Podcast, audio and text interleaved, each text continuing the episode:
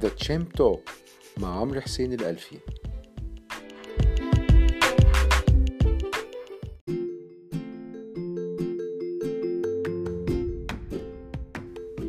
بسم الله الرحمن الرحيم. أهلا بكم في حلقة جديدة من The Champ Talk معاكم عمرو حسين الألفي من Market Champ. في الحلقة دي بنتكلم عن الاستثمار استكمالا للحلقات السابقة اللي إحنا اتكلمنا فيها على مبادئ الاستثمار وأنواع المتعاملين في السوق.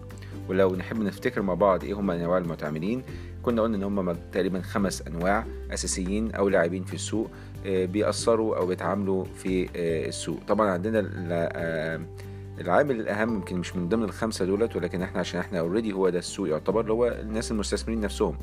ولكن المستثمرين بيتعاملوا بقى مع مين في السوق؟ بيتعاملوا قلنا مع المخطط المالي مع مدير الاستثمار مع مزود المعلومات أو موفر المعلومات أو مع السمسار أو الوسيط وأخيرا قلنا مع الامين الحفظ أو الحافظ الأمين اللي بيحتفظ بالأوراق المالية اللي يتم التعامل عليها علشان يضمن إن السوق يكون سوق كفء.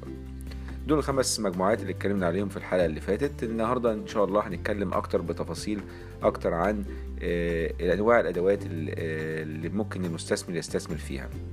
لكن قبل ما نتكلم على الأدوات ديت أحب نتكلم عن اولا إحنا البرنامج بتاعنا قلنا ليه هدفين. الهدف الأول هو توعوي والهدف الثاني هو تفاعلي.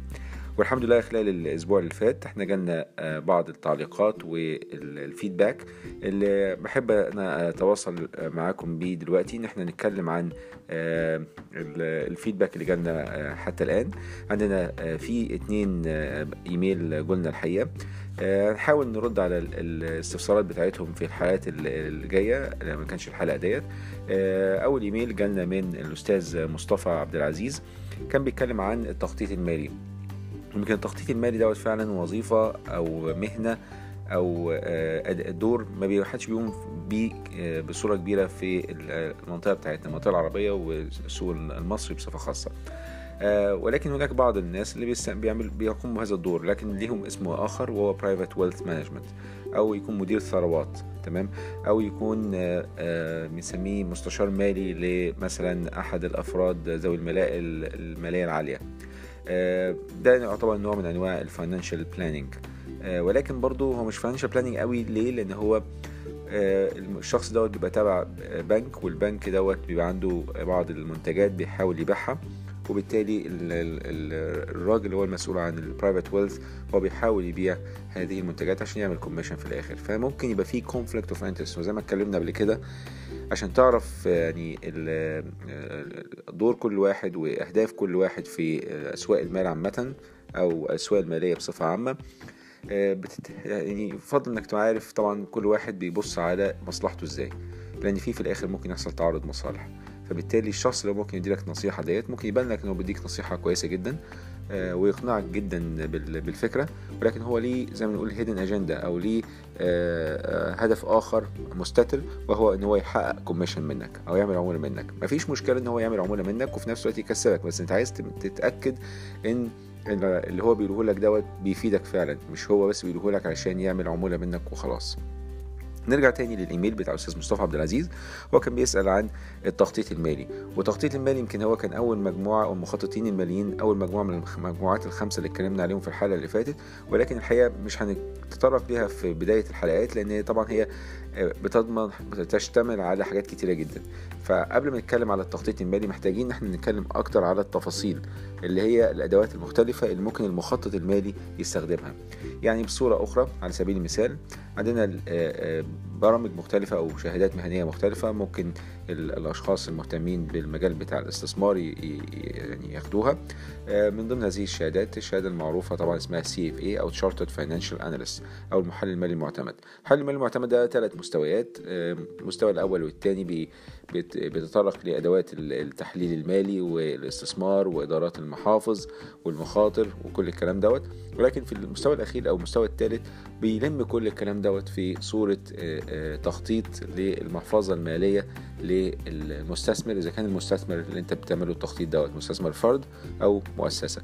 فبالتالي نفس القصة آه، التخطيط المالي مش هينفع نتكلم عليه في الأول ونقول آه، اعمل كذا وكذا وكذا وكذا إلا لما يبقى عندنا الأدوات اللي في الأول. فبالتالي أنا بسأل الأستاذ مصطفى عبد العزيز إن هو يتابعنا في الحلقات الجاية إن شاء الله عشان هناخد خطوة خطوة الفكرة ديت. لأن هو كان سؤالي بيقول لو أنا شخص كان معاه 30000 جنيه أو 100000 جنيه أو 500000 جنيه يستثمر فلوسه إزاي؟ طبعا ده عشان نجاوب على السؤال دوت محتاجين نعرف إيه هي أدوات الاستثمار المختلفة عشان نستثمر الأول. طيب ده كان الجزء الأولاني من سؤاله. السؤال الثاني كان بيقول على ال compound interest rate أو الفايدة المركبة. طب الفايدة المركبة والفايدة البسيطة. برضو ببساطة كده الفايدة البسيطة أنت لو حطيت 100 جنيه في في البنك على سبيل المثال والبنك قال لك أنا هدي لك 10% كل سنة. ولكن هو كل سنة بيدي لك 10 جنيه على المية فدي ال 10% السنة اللي بعديها بيدي لك برضو 10 جنيه على المية. السنة اللي بعديها برضو بيدي لك 10 جنيه على المية. فدي تعتبر simple interest rate أو فايده فايدة بسيطة لأن هو مع آه، كل اللي بيعملوه إن هو بيدي لك العائد من غير ما يحسب لك عليه فايدة أخرى. يعني مفيش فايدة على فايدة هو بيحسب الفايدة على أصل المبلغ فقط. طيب في آه، آه، حسابات أخرى بتبقى compound interest rate هو فايدة مركبة بمعنى أنا لو ابتديت الفلوس بتاعتي حطيت 100 جنيه ال 100 جنيه بعد بعد 10 بعد سنة هيبقى 110 لأن خدت الفايدة ب 10% على ال 100 ادي 110 السنة الثانية أنا مش هبتدي رأس المال بتاعي أو الاستثمار بتاعي بالاصل المبلغ اللي هو 100 لأن أنا هبتدي ب 110 في ال 110 دي أنا هعمل عليها 10% تمام؟ يعني أنا في الآخر هكسب 11 جنيه في السنة الثانية مقارنة ب 10 جنيه في السنة الأولى. الجنيه الفرق دوت هو ال 10% على ال 10 جنيه الزيادة اللي أنت عملتها في السنة الأولى. يبقى أنا عندي الفايدة مركبة جزئين. الجزء الأولاني إن أنا بعمل 10% على أصل المبلغ اللي هو ال 10 جنيه أنا عندي راس المبلغ بتاعي 100 جنيه فبعمل عليه 10% فكده بقى 110 وفي السنة الثانية بعمل 10% على الفايدة اللي أنا عملتها في السنة الأولى. إيه هي الفايدة اللي في السنة الأولى؟ كانت 10 جنيه. ال 10% من 10 جنيه هي الجنيه. فيبقى الجزء الثاني أو السنة الثانية عبارة عن 10 جنيه فايدة أساسية على رأس المال وجنيه زيادة فايدة على الفايدة اللي أنا خدتها في السنة الأولى وهكذا. فبالتالي مع الوقت طبعا بيحصل لنا تعظيم لرأس المال لأن باخد compound interest rate فطبعا أي حد بيحط فلوسه في البنك المفروض ما ما يروحش الحساب simple interest rate لا يخليه compound interest rate خصوصا لو هو مش هيسحب الفايدة كل فترة. السؤال هنا الحقيقة ما كانش بيقول على شرح ال compound interest rate ولكن بيقول لما يجي يروح للبنك واقول له أنا عايز حاجة فايدة مركبة البنوك بتحاول تبيع له حاجة وتقول له والله لا اربطهم شهادة وخدهم خد بيهم credit card ولو آه، بصيتوا في في الموقع ماركت شيمب إحنا في آخر آه، آه، مقالة كتبتها كنا بنتكلم على ال credit card وإزاي ممكن الواحد يستفيد من ال credit card اقترح حضراتكم إنكم تقروه لأن هو لو حدش ما كنتوش قراتوه يعني. لأن هو credit card طبعا فيه مزايا وعيوب. مزايا طبعا السهولة في التعامل. بيوفر لك card يعتبر لمدة تقريبا 55 يوم. ببلاش من غير فايدة. آه، كل انت بتتكلفه اللي هو بس الاشتراك السنوي بتاعك. لو انت دفعت طبعا القرض بتاعك دوت خلال ال 55 يوم مش هيبقى فيه أي فايدة تحسب عليك. ولكن طبعا البنوك زي ما قلنا في conflict of interest لسه في أول حلقة بنتكلم عليها تعارض المصالح. ممكن يكون الموظف دوت هو مش في صالحه قوي إنه يقول لك والله يحط فلوسك في الوديعة دي وخلاص. لا هو عنده target وعنده مستهدف إن هو لازم يحقق target آه، معين. عايز يبقى حد معين من الشهادات يبيعها. عنده credit card عدد معين من ال credit cards لازم يبيعهم. فبالتالي بيحاول يضغط عليك إن أنت تمضي الحاجات ديت. فبالتالي لما تيجي تقول له عايز فايدة مركبة يقول لك لا طب اربط وديعه وخد credit card الحقيقة أنا بشوف إن الموضوع دوت يعني مش مفيد لأن أنت في الآخر هتدفع آه، فايدة على ال credit card و ربط الشهادة برضو. أنت هيجي لك فايدة فأنت اللي هيجي لك من هنا هيروح هنا. هو بيحاول يقول لك إن أنت لو أنت ربطت الشهادة ديت أنت فلوسك تفضل زي ما هي. مش هيحصل آه، آه، نقص ليها خالص. ولكن في نفس الوقت هو هيدي لك آه، تسهيل بضمان الشهادة ديت. لكن لما تيجي تفكر فيها لو انت ربطت الشهادة انت مش هتعرف تتصرف في الشهادة. فالشهادة ديت بالنسبة لك هتبقى فلوس مقفولة. لو انت كسرت الشهادة هتدفع غرامة وهيكلفك. فبالتالي كأنك انت حاطط فلوس ضمانة لل credit card. هو ليه طيب عمل كده؟ لأن انت ممكن يكون مرتبك ما بيتحولش على البنك دوت. فبالتالي مش هيقدر يديلك credit card إلا لما يكون عنده ضمانة. طبعا كل بنك بيبقى متحفظ وبيحاول يضمن فلوسه آه، طبعا آه، لأقصى اقصى درجة لأن في الآخر دي فلوس مودعين آه، أتمنى يكون جاوبت على السؤال بتاع أستاذ مصطفى عبد العزيز آه، بإجابة آه، مفيدة. كان في سؤال تاني آخر جانا من إيميل تاني من أستاذ هشام جميل. كان بيسأل على بعض الحاجات بالنسبة للموقع متى ماركت شامب وبالنسبه للتحليل الفني والتحليل الأساسي.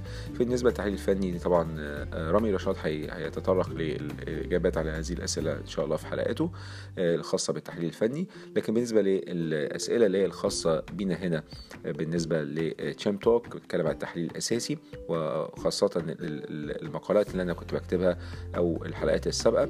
بتكلم على نقطتين. أول حاجة بنتكلم على ال margin of safety أو هامش الأمان. هامش الأمان دوت إحنا اتكلمنا عليه. طبعا هو ده مش اختراع بتاعنا. هو ده كان margin of safety ال concept اللي آه، نشره الأستاذ أو البروفيسور بنجامين آه، جراهام. هو أحد مؤسسي يعتبر آه، أو الأب الروحي مادة التمويل أو الاستثمار بصفة عامة وكان عملوا كتابين آه، وهو وزميله آه، ديفيد دود آه، هو عملوا كتاب Security Analysis وهو بنجامين جراهام عمل كتاب تاني اسمه The Intelligent Investor واللي اتكلم فيه عن ال margin of safety. وببساطة ال margin of safety أو هامش الأمان إن أنت لما تيجي تشوف سهم قيمته آه، في أو سعره نفرق ما بين السعر والقيمة ودي هنتكلم عليها في تفصيل أكتر في الحلقات الجاية إن شاء الله. آه، سعر السهم في السوق let's say ب 10 جنيه وأنت قيمت السهم دوت لقيت إنه تقييمه المفروض يبقى ب 12 جنيه. آه، أو خليها عشان الارقام نخليها تبقى سلسة أكتر. let's إن أنت جيت تشتري سهم فلقيت سهم سعره في السوق 8 جنيه. وأنت جيت قيمته لقيته ب 10 جنيه. تمام؟ فكده يعني أنت شايف قيمته أعلى من سعر السوق. فبالتالي أنت تقول والله لا ده كده سهم رخيص سعره 8 وقيمته 10 فأنا أشتريه. هنا ال margin of safety concept أو ال concept دوت بيقول إن هو آه، لازم تحط margin of safety لأن أنت ممكن تقييمك يكون غلط. ممكن ال 10 جنيه دي تبقى غلط. ممكن تبقى تقييمك المفروض يكون 9 جنيه. ممكن المفروض يكون 15 جنيه. فأنت مش عارف بالظبط. فال margin of safety تقول والله والرقم ده تحطه على حسب أنت مدى تقبلك للمخاطر. أنا عايز مثلا margin of safety 30% يعني إيه margin of safety 30% يعني أنت لو شايف السهم قيمته 10 جنيه يبقى أنت مش هتشتري السهم ده إلا لما يكون سعره في السوق 7 جنيه أو أقل. لكن لو سعره 8 جنيه كده ال margin of safety بتاعي 20% ده كده مش كفاية بالنسبة لي لأن ممكن يكون في آه، خطأ في التقييم بتاعي. فأنا عايز أبقى safe آه، على قد ما أقدر أو آه، في حدود الامان على قد ما أقدر. فبالتالي أنا باخد 30% discount من القيمة العادلة بتاعتي اللي أنا شايفه. فلو السهم شايفه ب 10 جنيه يبقى أنا مش هشتري السهم إلا لو كان ب 7 جنيه في السوق أو أقل. وبالتالي يبقى كده بشتري السهم بحدود آمنة نوعا ما. فالسهم لو كان تقييمي 10 جنيه كانت actually 9 جنيه أنا برضه اشتريته بسبعة ما اشتريتوش ب 8 أو ب 9 فبالتالي أنا بحاول احافظ آه، على الأداء بتاع المحفظة بتاعتي أو إن أنا بتحوط للقرارات الاستثمارية اللي ممكن آخدها وممكن تكون آه، خطأ. آه، في جزء آخر بالنسبة لنفس السؤال بالنسبة اللي هو ال margin of safety بنتكلم على القيمة العادلة. القيمة العادلة دي أنا أتكلم عليها وأحسبها إزاي؟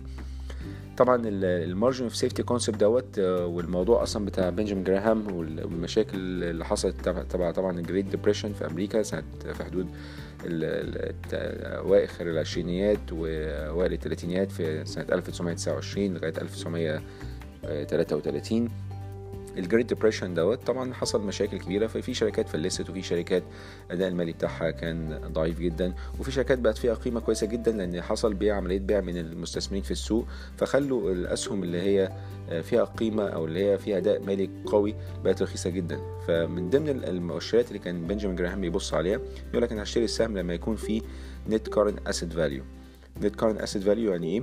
يعني أنا يكون عندي الأصول الجارية تكون لما أخصم منها ال liabilities كلها بتاعتي أو الالتزامات اللي عليا كلها still ألاقي فيه رقم فيه value فبالتالي انت بتاخد حاجة short term اللي هي الأصول الجارية دي بتبقى short term ممكن تقدر تسيلها في خلال سنة وبتخصم منها كل الالتزامات بتاعتك. لو لقيت still في فلوس السهم ده أكيد رخيص تمام؟ فده ال value stock اللي كان بيبص عليه ساعتها. لكن في الفترة اللي إحنا فيها دلوقتي أو الزمن اللي إحنا فيه دلوقتي ممكن ما تلاقيش بسهولة آه، اسهم بالشكل ده. ولو إن في بعض الاسهم بتلاقيها كده فعلا.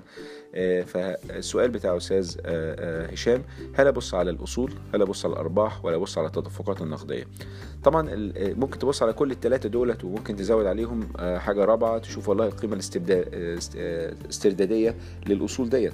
على سبيل المثال السوق المصري في الآونة الأخيرة حصل انخفاضات كبيرة فيه وخلى بعض الأسهم بتساوي قيمتها السوقية أقل بكتير من القيمة بتاعة الشركة. لو أنا عملت أسست الشركة النهارده ودفعت فلوس عشان أعمل المصنع بتاعها وعشان آخد market share كل الكلام ده هيكلفني فأرخص لي جدا إن أنا أشتري السهم من السوق دلوقتي. فدي قيمة استردادية ممكن أبص عليها برضو فأنا نصيحتي إن نبص على كل الثلاث حاجات دولت والأربع حاجات وأي موديل ممكن أبص عليه. وفي الآخر بحاول أشوف إيه عدد ال models أو النماذج المختلفة هل بتديني فعلا مؤشرات إن أنا السهم ده رخيص ولا لأ. فال value stock هو من ال value stock مش لازم يكون بس إن هو قيمته السوقية أقل من القيمة العادلة أو أقل من القيمة الدفترية حتى اللي موجودة على الميزانية بتاعه الشركة أو ال balance sheet لأن ممكن يكون القيمة السوقية أقل من القيمة الدفترية على اللي على ال balance sheet علشان الشركة دي ما فيهاش معدلات نمو ما فيش growth أو إن القيمة الاستردادية بتاعت الأصول الموجودة على ال balance sheet ديت لو أنا حبيت أستردها النهارده أو أبيعها النهارده أو أسيلها النهارده مش هاخد الفلوس القيمة القيمة اللي في ال balance sheet هاخد رقم أقل. فبالتالي ممكن القيمة السوقية تكون أقل.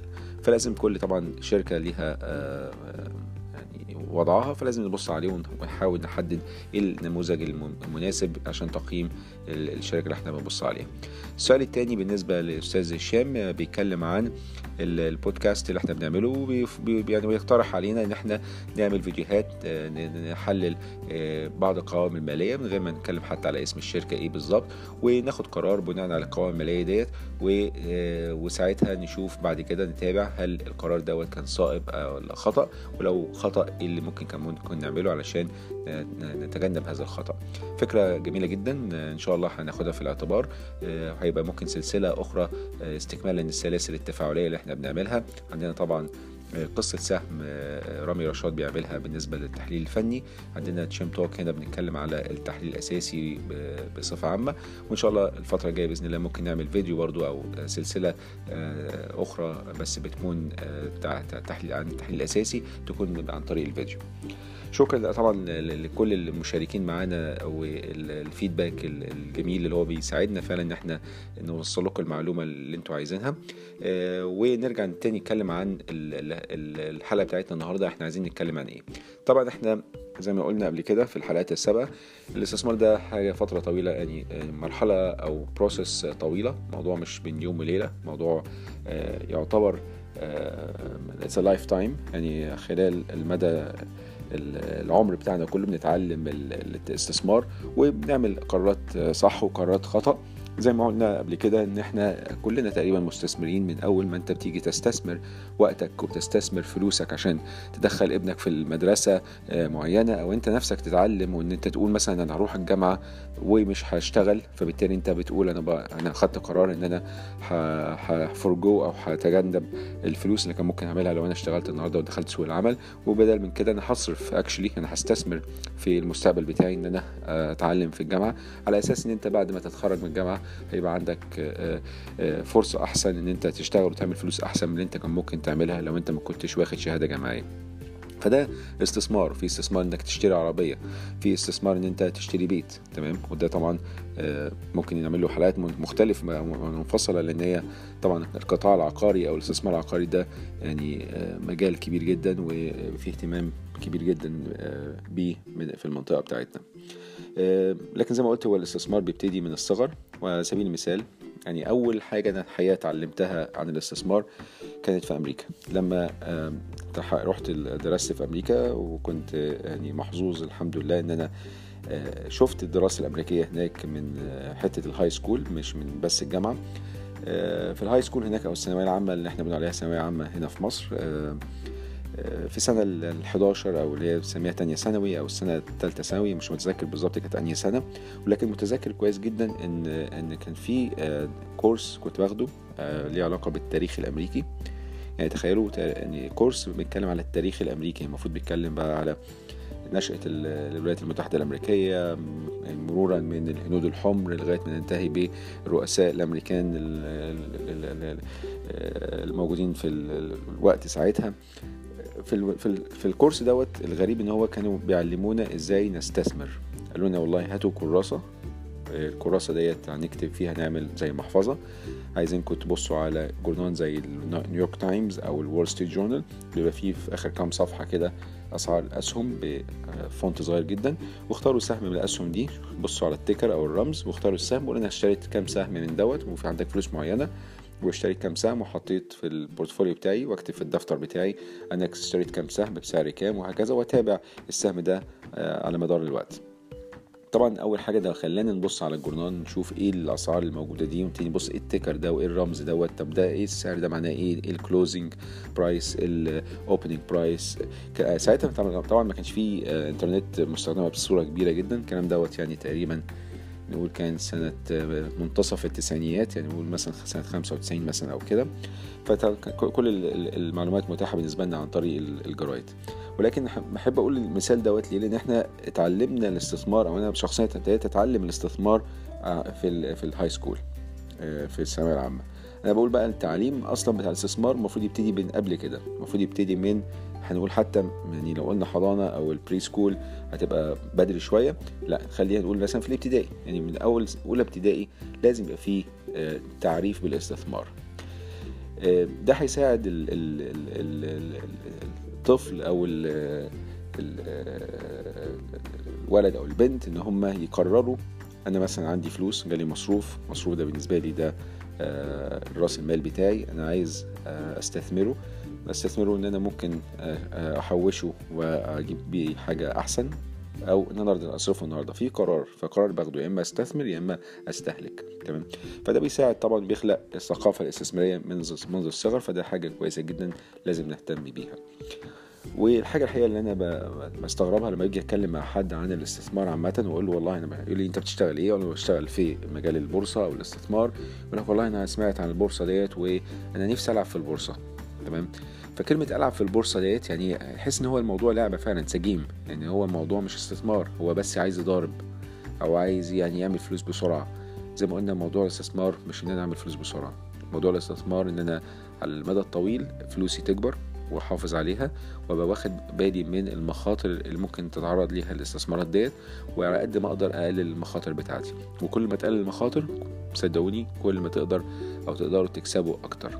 لكن لو أنا سبت المخاطر بتاعتي ما ببصش عليها خالص أنا الاستثمار بتاعي دوت مش هعرف أتابعه وبالتالي هخسر كتير. فبالتالي نرجع لكلمة اللعب في البورصة. هو الحقيقة البورصة دي مش ملعب مش game ولو إن في بعض المواقع بتعمل لك في صورة game إن أنت تخش تجرب الاستثمار في البورصة علشان تشوف أنت هتكسب ولا تخسر ده آه ده حاجة كويسة إن هو تعليمية هو game تعليمي ولكن هي البورصة نفسها في حد ذاتها مش game. البورصة ما هي إلا سوق زي أي سوق. سوق بس هو سوق الاوراق المالية. الاوراق المالية ديت مش بس يكون أسهم. أوراق مالية دي ممكن تبقى سندات ممكن تبقى options اللي هي عقود خيارات ممكن تبقى عقود مستقبلية اللي هي futures ممكن تبقى حاجات كتير ممكن تبقى عملات تمام؟ ممكن تبقى وثائق ما ليها علاقة بالاستثمار العقاري فالبورصة ما هي إلا سوق وليس ملعب فبالتالي ما فيش حد بيلعب في البورصة. لا أنت بتستثمر في البورصة عايز تعمل trading في البورصة برضو تتداول في البورصة دي حاجة لكن اللعب أنت مش بتلعب ده مش مجرد لعب لأن أنت حاطط فلوس الفلوس دي انت تعبت فيها عشان تعملها فمش يعني مش مستعد ان انت تخسرها علشان خدت قرار بناء على اهواء ومش قرار مدروس. فبالتالي البورصة هي سوق مش بس الأسهم لكن أدوات مالية أخرى. طب بالنسبة للأسهم لأن الأسهم هي أكتر فئة أصول الناس بتعرفها. الأسهم يمكن طبعا كل شركة الواحد بيبص عليها بيبقى ليها أسهم لما تكون شركة مساهمة. في أنواع كتيرة جدا من الشركات يعني سريعا كده ممكن نلخصهم في كام شركة كام نوع من أنواع الشركات. ممكن تعمل شركة فردية أنا عايز أعمل بيزنس يعني فأروح أعمل شركة فردية بتبقى باسمي. ممكن أعمل شركة تضامن وحد يبقى متضامن معايا ويبقى دي الشركة بتاعتنا. ممكن أعمل شركة توصية اسمها توصية بسيطة. ممكن أعمل شركة اسمها ذات مسؤولية محدودة لأن الشركة دي مسؤوليتها تقع فقط على الشركة ملهاش علاقة بالمستثمرين أو أصحاب الشركة لأن لو مشكلة حصلت في الشركة هي بتبقى ال liability أو الالتزام بيبقى على الشركة نفسها وليس على الأفراد. لكن الشركة فردية مثلا على سبيل المثال أي مشكلة تحصل للشركة هي بتحصل للفرد. بمعنى أن الشركة الفردية لو عليها ديون هي كأن الديون دي موجودة هي برضو على صاحب الشركة. لكن لو أنت عندك شركة مسؤولية محدودة وعلى الشركة عليها ديون لا هي الديون دي على الشركة نفسها وليست على أصحاب الملك ليست على أصحاب الأسهم.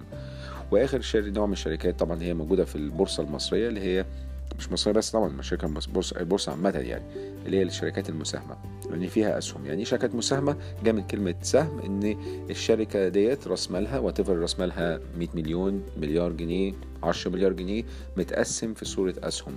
وكل سهم ليه قيمة اسمية. تم إصدار هذه الأسهم بناء عليها في بدء الأمر. وهنتكلم عليه في الحلقة الجاية إن شاء الله إزاي ممكن نبتدي شركة وكده. ولكن في أنواع مختلفة من الشركات أكبرهم أو أعلاهم هي الشركات المساهمة واللي هي الشركات دي ممكن تبقى شركة مغلقة أو شركة يعني متاحة للتداول عامة في البورصة وبالتالي ممكن أسهمها تبقى متاحة لأي حد يشتريها. في شركات متقدرش تشتريها وفي شركات تقدر تشتريها. في الآخر هي السوق بتاعنا أو سوق البورصة هي سوق منظم أي شركة عايزة تبقى موجودة في البورصة لازم يبقى ليها قواعد معينة لازم تلتزم بيها والقواعد ديت بتشمل حاجات كتير منها حد أدنى لراس المال حد أدنى من عدد المساهمين الموجودين في الشركة آه، حد أدنى من حجم التداول أو الأسهم المتاحة للتداول آه، في البورصة. كل الكلام ده أو القواعد ديت علشان نضمن إن السوق يبقى فيه سيولة وفيه تداولات بتحصل. آه، لو تفتكروا زمان في السوق المصري سنة 2000 في أوائل الألفينات كان في فوق ال 2000 تقريبا شركة أو 1500 شركة مثلا موجودين في السوق مدرجين مدرجين في البورصة المصرية. لكن كام سهم كان بيتداول؟ لا عدد قليل بكتير عن كده. ولكن حاليا إحنا بنتكلم هو كام سهم دلوقتي موجودين في السوق المصري؟ فوق ال 200 سهم نقول مثلا 220 230 سهم. طب إيه العدد نزل قوي كده ليه؟ لأن ساعتها زمان من يعني تقريبا اولموست 20 سنة كان في إعفاء ضريبي للشركات المصرية إن هي لو تبقى مدرجة في السوق المصري أو البورصة المصرية بتاخد إعفاء ضريبي على حد على حسب رأس المال بتاعك. لو أنت رأس المال بتاعك لتسي 10 مليون جنيه انت كنت بتاخد اعفاء ضريبي تقريبا ما يعادل 10% يعني انت بتاخد اعفاء ضريبي مليون جنيه. يعني انت لو عملت أرباح ب 5 مليون جنيه مش هتدفع ضرايب على 5 مليون كنت هتدفع ضرايب على 4 مليون بس. فكنت بتوفر مليون جنيه من أرباحك تدفع ضرايب أقل علشان انت شركة مدرجة في السوق المصري. طبعا بعد تغيير أسعار الضريبة على الدخل كانت الأول نتكلم على 42% و34% ضريبة على حسب انت الشركة بتاعتك كانت خدمية أو صناعية على التوالي. آه، ولكن آه، نزلت سعر الضريبة توحدت على كل الشركات كانت ساعتها وصلت ل 20% وبالتالي شال الحكومة شالت الإعفاء الضريبي فبالتالي الشركات المدرجة في السوق مبقاش ليها اهتمام قوي منها تبقى مدرجه لأن هي دلوقتي الإعفاء الضريبي اللي هي عملت إدراج آه، أسهمها فيه علشانه في البورصة آه، راح خلاص فبالتالي ما بقوش مدرجين في السوق فعدد الشركات قل. فبالتالي إحنا بنرجع نقول إن الأسهم هي مش مجرد رمز على الشاشة آه، عبارة عن حروف بتتكلم على السهم مثلا زي ال CIB كومي سهم زي المصرية للاتصالات إيتال سهم زي مثلا الانتاج العالمي MPRC لا مش مجرد رموز بس انت بتتكلم على أسهم قدامك على شاشة البورصة بتطلع وتنزل هي مش مجرد لعبة هي مش لعبة باسهم بتطلع وأسهم بتنزل وخلاص وأنت بتحاول تاخد السهم اللي طالع وتبعد عن السهم اللي نازل. لا انت actually انت بتستثمر بتشتري سهم بيمثل business بيمثل آه، قطاع أعمال بيمثل آه، حياة أخرى حياة آه، بتاعت شركة فيها موظفين فيها مديرين فيها عملاء الشركة دي بتخدمهم فيها زي ما نقول stakeholders بيتعاملوا مع الشركة ديت. فأنت السهم هو مجرد آه رمز بيشوف أسعاره بتطلع وتنزل وحجم تداول بيع وشراء. ممكن نبص عليها من ناحية التحليل الفني بنشوف الأداء من ناحية التحليل الأساسي. ولكن الأهم من ده كله إن السهم ده بيمثل ملكية في business وال business ده ليه حكاية وانت كمستثمر عشان تستثمر في السهم بتاع الشركة ديت لازم تعرف هذه الحكاية وتعرف انت بتستثمر في الشركة دي ليه. لأن الشركة في الآخر آه، بس بتعرض يعني عندها منتج أو خدمة بتقدمها لازم تعرف الخدمة دي عبارة عن إيه المنتج ده عبارة عن إيه إيه الإيجابيات والسلبيات بتاعت الشركة اللي ممكن تتأثر بيها الشركة آه، في المجال بتاعها. طبعا في قطاعات مختلفة في السوق موسلة عن طريق الأسهم ديت. عايز تشتري في أسهم في قطاع البنوك في قطاع الاستهلاكي في قطاع الاتصالات في قطاع العقاري في قطاع الصناعي. قطاعات كتيرة جدا هنتكلم عليها برضو في الحلقات الجاية إيه هي انواع القطاعات المختلفة واستثمر إيه في إيه عشان أبقى عارف بالظبط إيه انواع الاستثمار المختلفة اللي عندي. ولكن برضو الأسهم اللي إحنا بنتكلم عليها دي في كذا نوع من الأسهم عندنا أسهم عادية وأسهم ممتازة. هنتكلم إن شاء الله في الحلقات القادمة بإذن الله على الاختلاف والفرق ما بين الأسهم ديت والقطاعات المختلفة اللي أنا ممكن أستثمر فيها. ولكن أحب أقول لكم وأكد تاني إن البورصة عامة هي مش لعبة. البورصة عبارة عن سوق يتم التداول فيه أسهم. طبعا وأسهم وأدوات مالية أخرى ولكن أنا بركز هنا على الأسهم. والأسهم ديت مش مجرد رموز بتطلع أسعارها وتنزل ويبقى فيه التذبذب في التداول بتاعها لا هي هي الأسهم دي عبارة عن ملكية في بزنس أو في عمل معين. الشركة دي بتشتغل علشان تعمل ربحية وليها أهداف وليها إدارة وليها عملاء. وانت كمستثمر بقيت صاحب ملك أو صاحب شراكة في هذه الشركة وبالتالي انت عايز ان انت تعظم الاستثمار بتاعك على قد ما تقدر وتختار السهم الصح في الوقت الصح. بكده تكون خلص حلقتنا. حاول برضو افكركم ان إحنا برضو بنتقبل الفيدباك بتاعكم على الإيميل بتاعنا. الإيميل بتاعنا هو talk t a l k at marketschamp.com أي إيميلات هتجيلنا إن شاء الله هن... هنرد عليها في الحلقات الجاية بإذن الله ونحاول إن إحنا نتجاوب معاكم بإذن الله زي ما قلنا البرنامج دوت هو توعوي وتفاعلي في نفس الوقت. شكرا لكم لكم مني ارقى تحياتي والسلام عليكم ورحمة الله وبركاته.